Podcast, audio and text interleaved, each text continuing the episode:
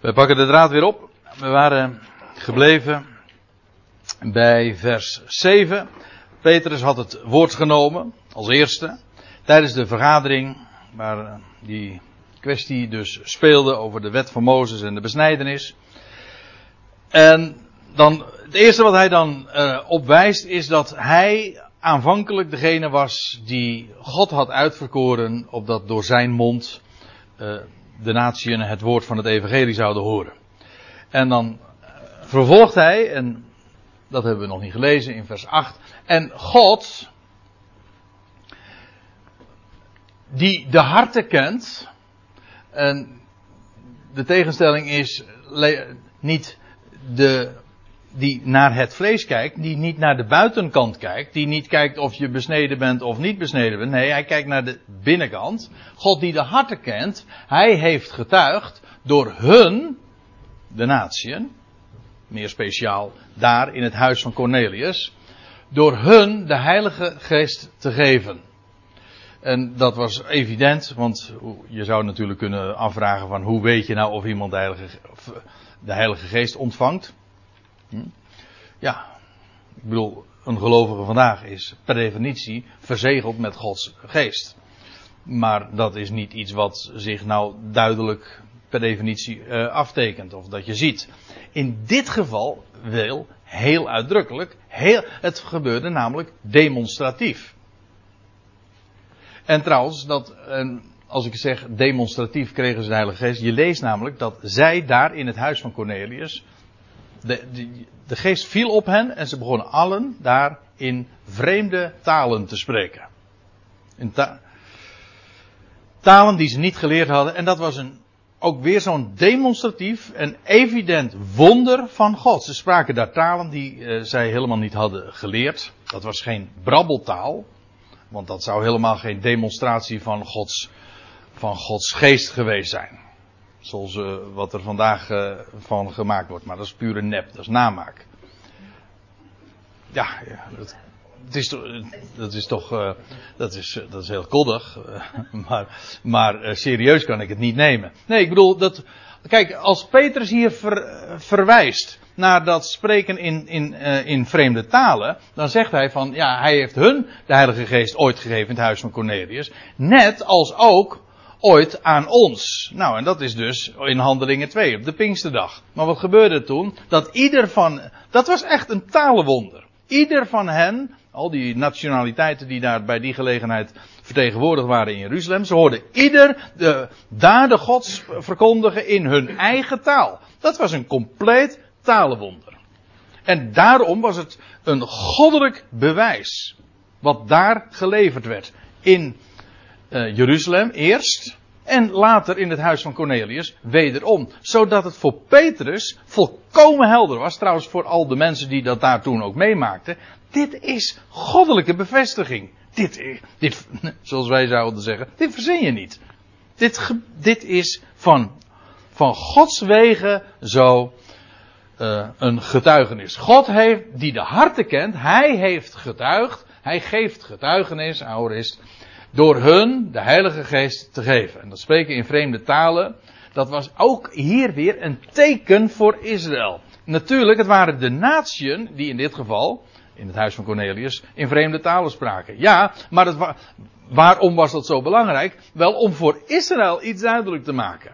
Want we weten ook en ik geef hier een verwijzing naar 1 Korinthe 14 vers 21, dat spreken in vreemde talen, dat was een teken voor dat volk. Zo staat het er ook echt. Niet voor de natie, het was een teken voor God. Dat God nu ook zich bedient van een andere taal dan het Hebreeuws. Door lieden van een belachelijke tongval zal ik tot dit volk spreken. Zo staat het. Het is eigenlijk een vervulling ook van een profetie die we al in Jezaja vinden.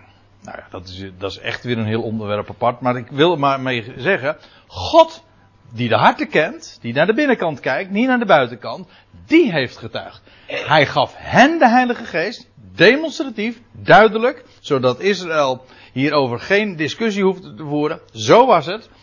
En hij gaf hen de Heilige Geest ooit toen dus in Handelingen 10, daar in Caesarea, daar aan die kustplaats. Net zoals ook eerder op de Pinksterdag in Handelingen 2. Dat, in dat opzicht was de gebeurtenis in Handelingen 2 uh, eh, van dezelfde orde als uh, de gebeurtenis in het huis van Cornelius. Oké, het was op wat kleinere schaal, maar dezelfde dingen vonden daar plaats. Een goddelijk getuigenis was dat. En dan, dan, stelt Petrus nog iets vast. God die de harten kent, hij heeft getuigd door hun de Heilige Geest te geven, evenals ook aan ons. Zonder enig onderscheid te maken tussen ons, Joden, en hen, natie. Namelijk door het geloof.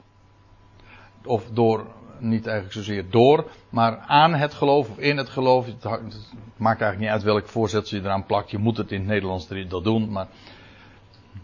In ieder geval, uh, aan het geloof, of door het geloof, hun hart reinigende.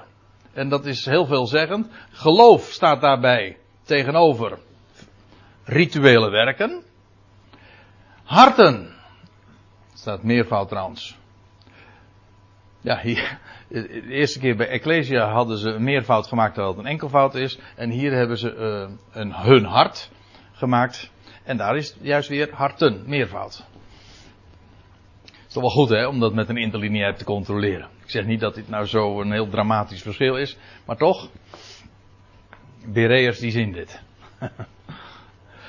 Geloof staat tegenover werken, rituele werken eh, meer speciaal. Harten staat tegenover de binnenkant dus, staat tegenover het vlees, de buitenkant.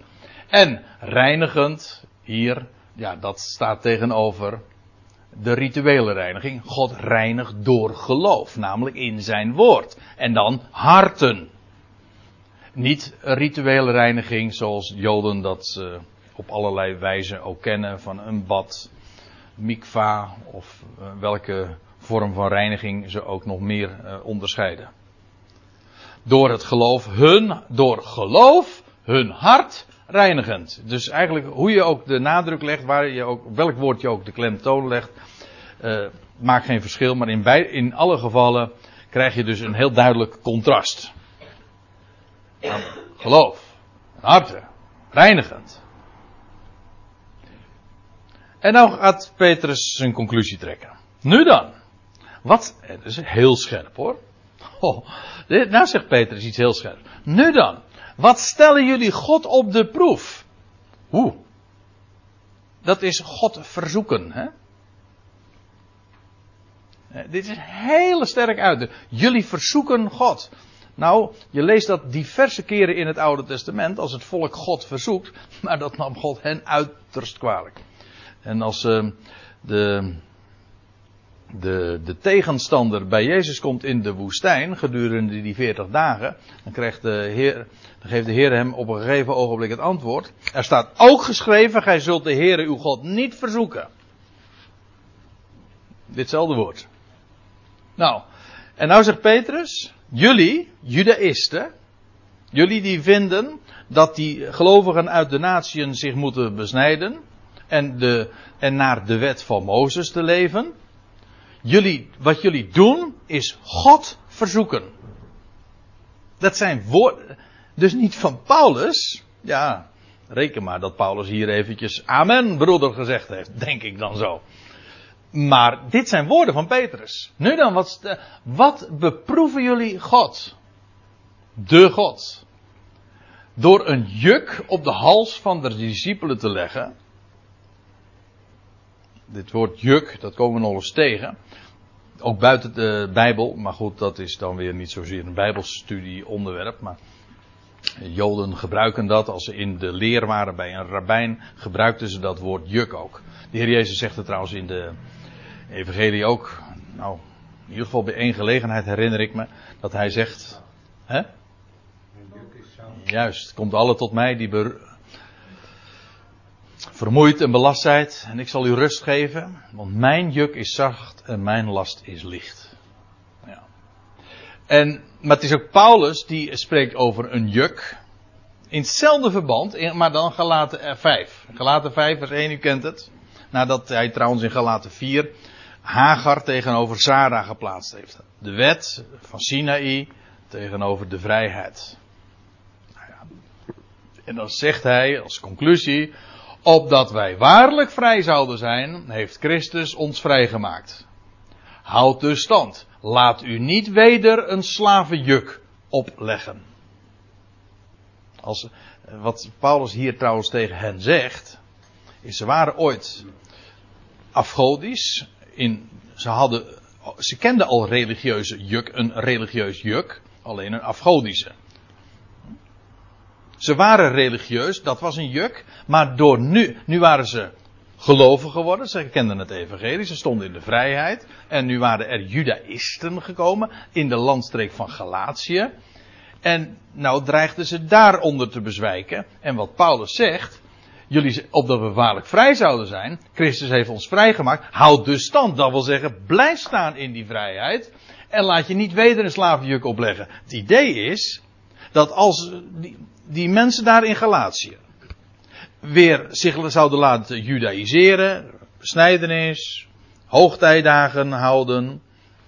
Dat zijn allemaal van die elementen die in Galaten genoemd worden dan komen ze weder onder een slavenjuk. Ze waren religieus en nou zouden ze judaïstisch worden en nou zouden ze opnieuw weer, weer onder een slavenjuk komen. Dus wat Petrus zegt hier in Handelingen 15, dat, uh, dat komt naadloos overeen met wat Paulus in Galaten 5 ook zegt. En in beide gevallen is de, zijn de uitspraken echt ook niet mis te verstaan. Ik weet, er zijn allerlei pogingen ondernomen om, dit, uh, om, de, om de kracht van deze woorden te, te, on, uh, te, ontnemen. En om water bij de wijn te doen. En dat het hier niet zou gaan over, over, de Judaïs, ju, uh, over het judaïseren en het wet van Mozes, maar over de Talmud enzovoort. Maar het staat er niet. Ja, je kan het er wel uithalen, maar dan moet je wel eerst inleggen. Ja, maar dat is, geen, dat is natuurlijk niet de bedoeling. We zouden gewoon lezen wat er staat geschreven. Nu dan, wat stellen jullie God op de proef door een juk op de hals van de discipelen te leggen? En dan noemt hij nog een heel interessant argument. En dan zegt hij dat nog onze vaderen, nog wij hebben kunnen dragen. Nou, hoe vaak wordt dat inderdaad niet uh, gezegd? He, dat Israël zelf niet eens in staat was dat juk van de wet van Mozes te dragen. Wel, als dat dan het geval is, Peter stelt het gewoon vast. Hij zegt, het is niet alleen wij, wij, gewoon, onze generatie is niet alleen maar niet in staat dat te doen, maar dat geldt ook al voor onze vaderen, de vaderen. Nou, hoe inconsequent is het als wij als volk aan wie de wet gegeven is al niet dat juk kunnen dragen? Hoe inconsequent is het dan om het vervolgens te gaan opleggen aan degene aan wie de wet nooit gegeven is? Want God heeft de wet helemaal niet gegeven aan de natie. Dat geldt ook voor de tien geboden.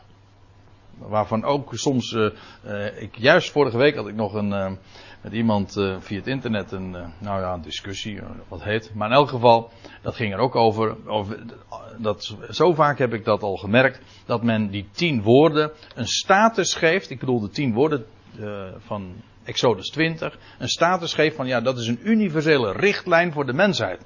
Maar dat, dat als dat zo zou, zo zou zijn, dan had God die tien woorden niet aan Mozes 2600 jaar na dato gegeven, maar aan Adam. Dan had, of aan Noach eventueel. Nee, hij gaf het aan Mozes, aan het volk. Dit zijn de woorden die gij zult zeggen tegen Israël. Ik ben de Heer uw God die u uit het land Egypte geleid heeft. Nou, zo.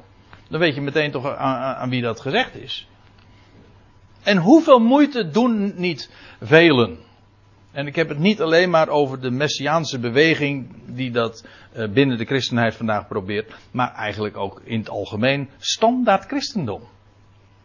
Waar de tien geboden worden voorgelezen en de gedenk de Sabbatdag, dat gedien heiligt. Ja. Afgelopen vrijdag had ik een uh, barbecue van Petrus Werk. Toen was daar ook een, een predikant. Dat wil zeggen, iemand die uh, al helemaal afgestudeerd is, ook deeltijds uh, als predikant werkzaam is binnen de, de reformatorische kerk in PKN. En toen ging het ook nog over, over het onderhouden van de Sabbatdag. Want dat was van groot belang. Nou, het was een heel uh, geanimeerd gesprek. Maar ik kwam er niet uit. Dat klinkt wat houten als ik het zo zeg. Maar hij zegt, ja, hij zegt, hij, vond het van belang dat altijd gewezen zou worden op het onderhouden van de Sabbatdag. Ik zeg, dus jij gaat morgen, ik zeg, jij, jij haalt morgen rust. Nee, dat is zondag. Ja. Dus de, ja, want kijk, de, de kerk is Israël geworden. Nee, Israël is de kerk geworden. De doop, pardon, nee, zeg nou maar. Is er, de besnijdenis is, is de doop geworden. En dat geldt van zoveel dingen. En dus, de, de Sabbat is overgeplaatst naar de zondag. En dan vraag ik, waar staat dat? Nou, dat kon hij ook inderdaad niet aanwijzen. Het, het, en moet je nagaan, ik, was, ik, ik, ik had nu een conversatie met een theoloog. Die gestudeerd heeft. Je zou toch mogen aannemen dat hij gewoon beslagen ten ijs kwam. En hij kon niet anders. Hij, zei, hij gaf het niet toe, want ja, dan, dan, je echt de, poten onder je eigen stoel vandaan. Maar uh, hij, hij, kon, uh, iedereen die zo'n conversatie aanhoort, en ik moet zeggen, ik ben zelf in, zo'n, in die kringen ook groot geworden. En toen ik uh, een ventje van een jaar of zes, zeven was, Toen stelde ik zulke vragen al over die Sabbat en dat het aan Israël was gegeven. En hoe men er dan toe kon komen om daar, daarvan de zondag te maken. Waar staat dat dan? En toen al was mij als kind, als je gewoon kritische vragen stelt, al duidelijk van nou dit klopt niet. Het klopt inderdaad van geen kant. Nou ja, in elk geval, uh, Peter stelt vast, uh, het is niks anders dan God verzoeken als je dat aan de natie gaat opleggen. Bovendien, het is inconsequent en ook hypocriet om iets van anderen te verlangen als je het zelf niet eens kan dragen. Nou, dat lijkt me toch een uh, aardige statement. En dan krijgen we zo'n mooie. Ja, dat vind ik. U moet realiseren. Nu gaan we. Dit is een heel belangrijk vers. Waarom? Als de menigte dit hoort, zijn ze stil. Dit is bovendien, ja, dat, uh, dat wist de menigte natuurlijk niet, maar dat weten wij wel. Dit zijn de laatste woorden van Petrus in het boek Handelingen. Daarna komen we Petrus niet meer tegen. En in ieder geval, nee, we komen helemaal niet meer tegen. En ook niet, in ieder geval ook niet meer sprekend. Dit zijn zijn laatste woorden. Waarvan akte. Maar moest horen wat hij dan zegt. Hij, hij, nadat hij dus heeft vastgesteld van het is niks anders dan God verzoeken als je zo'n juk op de natieën gaat leggen. En dan zegt hij, maar, dat is een tegenstelling. Door de genade. Gewoon vreugde om niet. Zonder eisen. Door de genade van de Heer Jezus. Nou, voor ons is dat gewoon één naam geworden, maar dit is niks anders dan eer geven aan wie Jezus is. Door zijn opstanding uit de dood is hij Heer geworden. Wel, door de genade van de Heer Jezus geloven wij, wij geloven behouden te worden, gered te worden, op dezelfde wijze als zij. Let op. Hij, wat hij nu zegt, concluderend, zijn, zijn zijn laatste woorden. Het is door genade dat wij behouden worden. Hoe worden wij, wij, Joden, behouden? Wel op dezelfde wijze als zij, de natie. Dus het is nou ineens een hele omgekeerde uh, gang van zaken. Want niet de natieën moeten behouden worden zoals Israël. Dat was namelijk de claim. Hè? Zij willen zij behouden worden, moeten ze worden zoals wij. Nee, zegt, eh, zegt Petrus, het is precies omgekeerd. Wij worden behouden op dezelfde wijze als zij. Wij worden behouden zoals zij. Namelijk de natie. En hoe worden we die behouden? Door de genade van de Heer Jezus. En anders niet. En dat geloven we. En dat is precies wat geloof is, want geloof wil zeggen, het is niet werken, je beaamt de, een mededeling. En een mededeling van genade, het woord van genade. Ja. Het is niet moeilijk, het is, het is zo simpel, maar het is zo prachtig zoals Petrus het hier naar voren brengt. Dit zijn woorden van Petrus. Een Jood wordt net zo behouden als een heiden. Die geen sabbat heeft, geen besnijdenis heeft, die helemaal niks heeft. Al die rituelen niet kent. En hoe wordt zo'n heiden dan behouden? Wel, door genade. Door geloof. In, in de genade van God. Wat anders. En de Jood wordt net zo behouden. En hier, met deze opmerking, heeft Petrus de hele bewering die dus die fariseeën deden. En waarover zo'n hele kwestie nu was gerezen. Heeft hij helemaal juist omgekeerd. Dat is heel veelzeggend. Nou, en dan staat er in vers 12. En de hele vergadering, u ziet, de, staat letterlijk de menigte. Net de Statenvertaling zegt het ook. Ja. En de hele menigte, dat is ook eh, eh, een reden waarom ik eh, al even aangaf. Het is, dit was geen besloten vergadering van alleen maar de apostel en de oudste. Nee, er was een, een menigte die dit aanhoorde. En de hele vergadering werd stil. dit bewijst dus inderdaad dat, dit, dat deze woorden echt insloegen. Als een bom. Het, was, het, het maakte grote indruk daar op die hele menigte.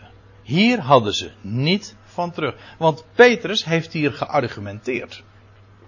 Petrus heeft inderdaad naar voren gebracht dat God zelf natieën heeft bevestigd. Gewoon in het, en zonder iets te eisen, hij gaf hun de Heilige Geest. Zonder iets te vragen. Dat was punt 1. Uh, eh, punt 2. Dat God zelf gaf daaraan getuigenis, maakte geen verschil. Hij reinigde door geloof de harten van hen. En dan vervolgens het is niks anders dan God verzoeken door iets van anderen te verwachten wat je zelf niet kunt dragen. En, dan, en als klap op de vuurpijl dat het genade is waardoor wij Joden behouden worden, net zo als de, als de natieën. De hele vergadering werd stil. En de hele vergadering werd stil en zij, zij, die menigte dus, ze hoorden Barnabas en Paulus verhalen. Hé, hey, hier hebben we weer deze volgorde. Maar ook uh, verhalen, dat wil zeggen, letterlijk staat er ontvouwen, uiteenzetten. Nu ging, nu dus Petrus heeft uh, als eerste gesproken, maar in wezen was dit al zo duidelijk. En nu vervolgens gaan Barnabas en Paulus dit bevestigen. Uiteenzetten. Hoe in de praktijk.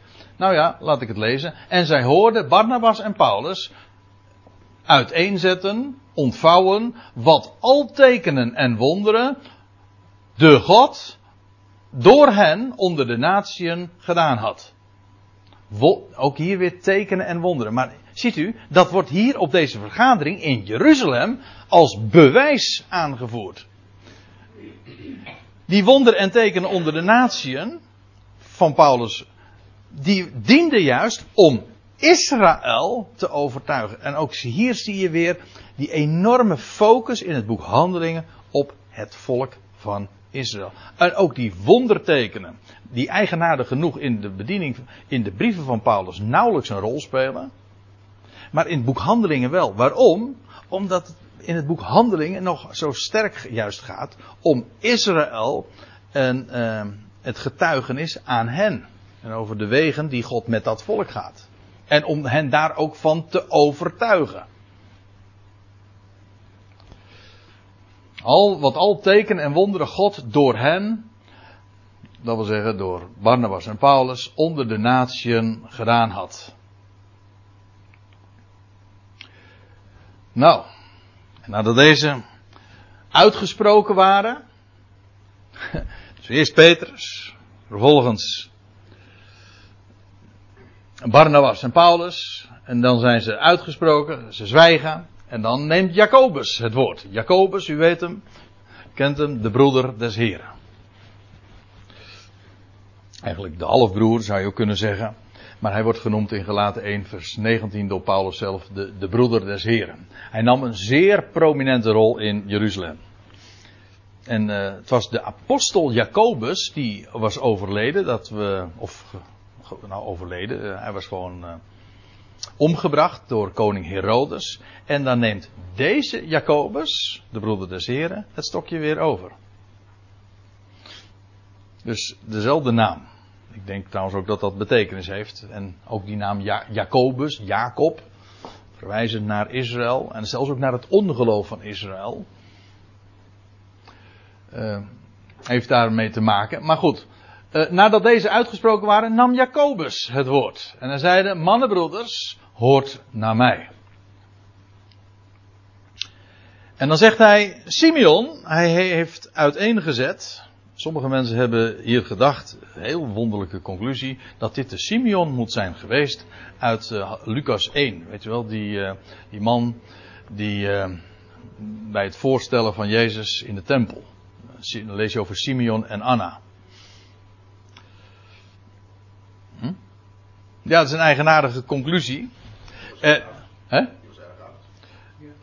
Hij was erg oud, ja. Ja, kijk, we, dat was Petrus die zojuist het woord had. En inderdaad lezen we over Simeon, die wel woorden uitgesproken heeft in de tempel toen al bij het voorstellen van uh, uh, het kindje Jezus. En woorden die uh, te maken hebben hoe God de natieën bezocht. Maar dat Jacobus daaraan zou refereren, dat lijkt me een absurd idee. Ik heb het serieus als serieuze uitleg wel gelezen, maar ik, heb me altijd over verbaasd. Te meer, daar, het was Petrus die zojuist het woord had genomen. En van Petrus lezen we inderdaad één keer uh, dat hij ook Simeon heet. Sterker nog, hij noemt zichzelf Simeon. In 2 Petrus 1 vers 1 dan lees je Simeon Petrus. Dus Simeon was gewoon de naam van Petrus. Het is de, de Semitische uitspraak. Hij heet Simon of Simeon, maar zoveel verschil. Simon. Ja, Simon, maar dit is een Simeon. Maar dat maakt inderdaad nauwelijks verschil. In ieder geval, Petrus noemt zichzelf ook gewoon uh, Simeon Petrus. Dus ik zie geen enkele noodzaak om aan een andere Simeon te denken uh, dan, uh, dan gewoon Petrus. Simeon, zegt Jacobus dan, hij heeft uiteengezet, hij heeft ontvouwd hoe God van meet aan.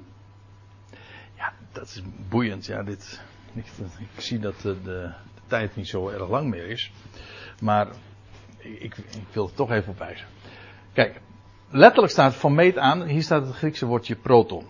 Protos, dat betekent eerste. Dat is een rangtelwoord. Je hebt e en eerste. Hoe God eerst, en als je zegt eerst, dan krijg je ook een tweede of een daarna. Je hebt eerst en daarna. Dat blijkt ook, want in vers 16 gaat hij zeggen, spreken over daarna. Simeon heeft uiteengezet hoe God eerst erop bedacht geweest is. Letterlijk staat er trouwens omziet naar. En dat is een uitdrukking die we in de Septuagint, de Griekse versie van het Oude Testament, ook uh, eens tegenkomen. Bijvoorbeeld in Rut 1 vers 6. En dan staat er, dan lees je dat uh, het gezin van Elimelech, die uh, heeft gehoord dat God heeft omgezien naar zijn volk. Omzien naar, dat betekent dus echt meer dan alleen maar even kijken. Nee, dat is zorg dragen voor en zich ontfermen over. En dat woord wordt hier gebruikt, omzien naar. Dat God eerst omziet naar een volk voor zijn naam uit de natieën te vergaderen. Ja, en wij, ik vind het een van de meest opmerkelijke dingen, dat is uh, mijn conclusie ook uh, inmiddels wel, nu ik uh, me nog weer eens wat heel, weer opnieuw heb bezighouden met handelingen 15, is dat Petrus en Jacobus toch wel schitterende uitspraken doen hoor. En we hebben misschien wel de idee dat dat, allemaal, dat, al, dat Paulus degene is die de, deze dingen uh, naar voren heeft gebracht. Dat is ook zo, maar ze worden in deze vergadering schitterend bevestigd door eerst Petrus en vervolgens Jacobus. Wat Jacobus hier zegt, dat is niet niks. Het is net alsof, luister even goed. Het is net alsof Paulus al een vergadering gehad heeft met Jacobus en Petrus. maar dat is precies wat ik uh, al eerder liet zien. Voordat deze vergadering plaatsvond met deze menigte, heeft Paulus Jacobus, Petrus en Johannes onder vier, of uh, moet je het goed zeggen, onder acht ogen. Hm? Uh, in, ieder geval, in ieder geval in een klein groepje heeft hij hen onderhouden en heeft, ze hebben belangrijke afspraken gedaan over het evangelie van de besnijdenis en over de verdeling van arbeid, et cetera. Jacobus blijkt zeer op de hoogte te zijn. En hij bevestigt in de eerste plaats wat Petrus heeft gezegd. En hij zegt, Petrus heeft dat al uiteengezet, hoe God eerst omziet naar een volk voor zijn naam uit de natieën te vergaderen. Dat is het werk dat God vandaag doet. Wat doet hij? Wat doet God vandaag? Wel, een, hij verzamelt zich een volk uit de natieën. Zonder daarbij onderscheid te maken. Dat had Simeon toch uiteengezet. En, voor zijn naam dan? Voor zijn naam, ja. Voor de naam van hem.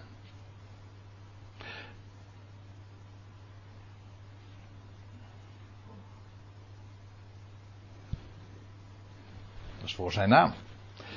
Uh, ik, de eerste associatie die ik uh, maak is dat het niet is uh, een volk ten dienste van de wereld. Nee, ten dienste. Het gaat helemaal voor hem.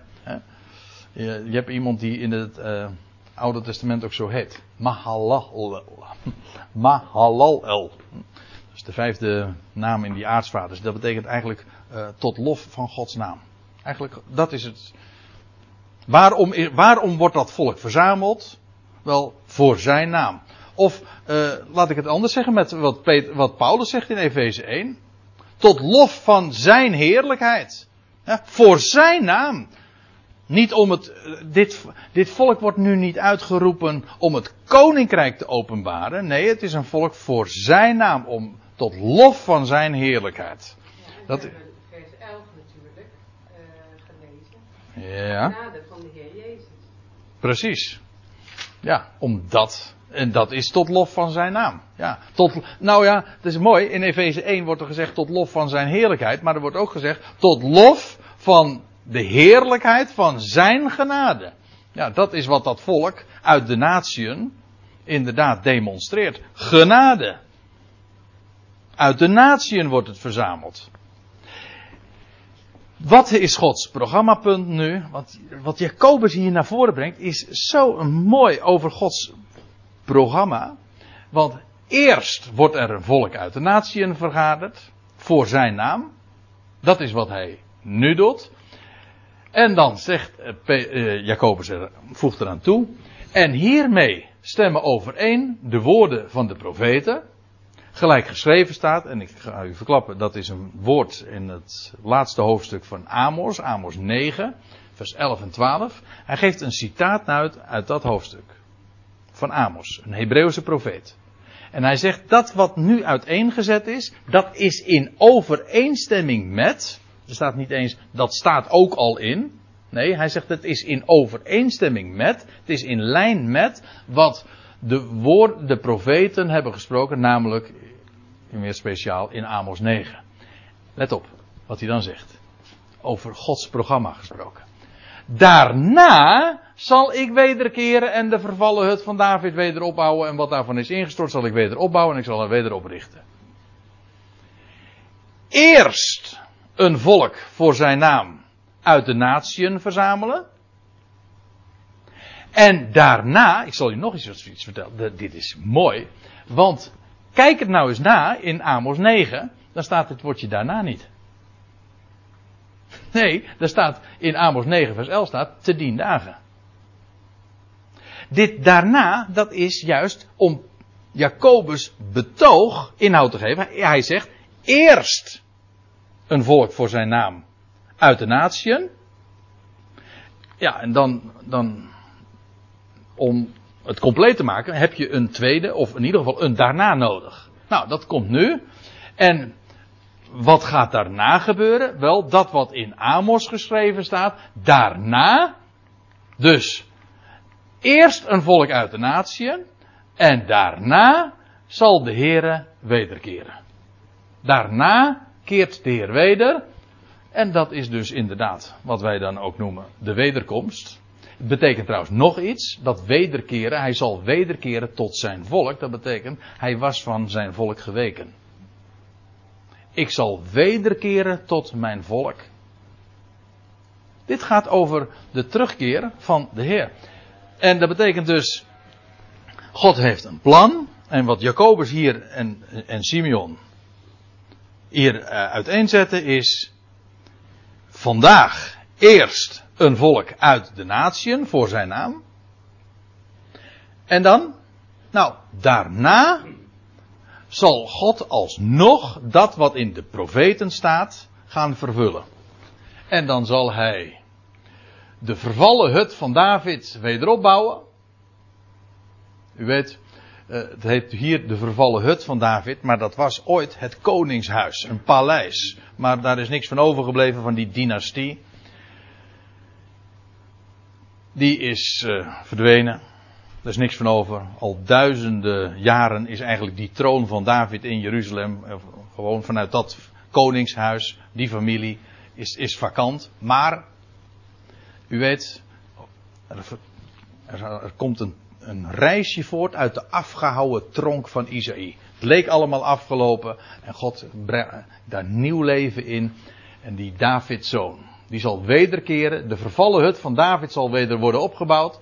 En wat daarvan is ingestort, zal ik weder opbouwen. Bedenk trouwens meteen weer aan, aan wat er staat in Handelingen 1. He, weet u nog die vraag van de discipelen toen op de Olijfberg? Heren, herstelt u in deze tijd het koninkrijk van Israël? Of voor Israël? Dat is, dat is een herstel. Dat koningschap van Israël, die, die, die, dat, da, dat, dat koningshuis van David, ja, dat was vervallen. Dat moest hersteld worden. En de vraag was, in deze tijd? Nee, zegt Jacobus. Jacobus, let op. Jacobus. Nadat die Paulus heeft gesproken. En nou bevestigt hij Simeon Petrus. En dan zegt hij, eerst, nu, een volk uit de natie. En dan, daarna, de keert de Heer terug. En wat gaat hij dan doen? Nou, dan gaat hij de vervallen hut van David weder opbouwen. Dus je krijgt hier een prachtige ordening van zaken. Opdat het overige deel der mensen de heren zoeken. Als u trouwens in de Masoretische tekst kijkt, dan staat er op dat ze beërven de rest van Edom. Dat is even een uh, vertaaltechnische kwestie, maar dat laat ik hier even voor wat het is. Maar let dan even op, en dat is het laatste wat ik nog op wil wijzen, want ik zie dat het tijd wordt om af te sluiten. Maar dit wil ik nog eventjes uh, gezegd hebben. Dus als de Heer terugkeert, wat gaat hij dan doen? Dan gaat het koningshuis van David hersteld worden. Dat waar niks van overgebleven was, een vervallen hut, dat wordt hersteld. Daar, dat koningshuis, die dynastie in Jeruzalem, wordt in ere hersteld. Israël wordt daarmee ook weer verzameld. Jeruzalem wordt de hoofdstad met de enige echte zoon van David die daar zal regeren. En vanuit dat, uh, vanuit die stad, vanuit die troon van David zal niet alleen Israël hersteld worden, maar ook uh, het overige deel der mensen zal de Heer zoeken. Dus de rest der mensheid zal de Heer zoeken. En alle natieën. Dus dat zal niet alleen maar een Israëlitisch gebeuren zijn. Nee, dat wordt een wereldwijd gebeuren. En hier zijn het al de natieën. Het overige deel van de mensheid. Die zullen dan daarin delen. Nu is het een volk uit de natie. Een volk uit de natie voor zijn naam. Straks, daarna, als de Heer wederkeert, dan wordt de hut van David opgebouwd. Het herstel van het troon van David en vanuit Jeruzalem zal het koninkrijk gevestigd worden en zal het overige deel van de mensheid de Heer gaan zoeken. En dan zullen alle volkeren gemaakt zijn tot zijn discipelen. Dat is weer een ander woord, maar u begrijpt wat ik, waar ik heen wil. Dan zal heel de mensheid zal daarin gaan delen. Binnen één generatie zal dat gerealiseerd worden. Alle heidenen. Nu dus een volk uit de heidenen, uit de natieën. Straks, daarna, als de tijd daar is, zullen al de natieën in die heerlijkheid gaan delen. Ja, daar wilde ik nog wat meer over zeggen, maar ik zie dat het echt uh, tijd wordt om uh, een punt te zetten. Maar het zijn hele boeiende dingen die, uh, die hier naar voren gebracht worden als u het mij vraagt. En uit, uit, een, uit een hoek waar je het misschien niet eens zo direct zou verwachten. Maar ik vind dat we zo toch geweldige dingen hebben gehoord van, van zowel Jacobus als van Petrus. Goed. Zullen we het dan vanavond hier maar bij laten. En op deze locatie, van deze locatie voorlopig maar weer eens afscheid nemen. Hm? Ja.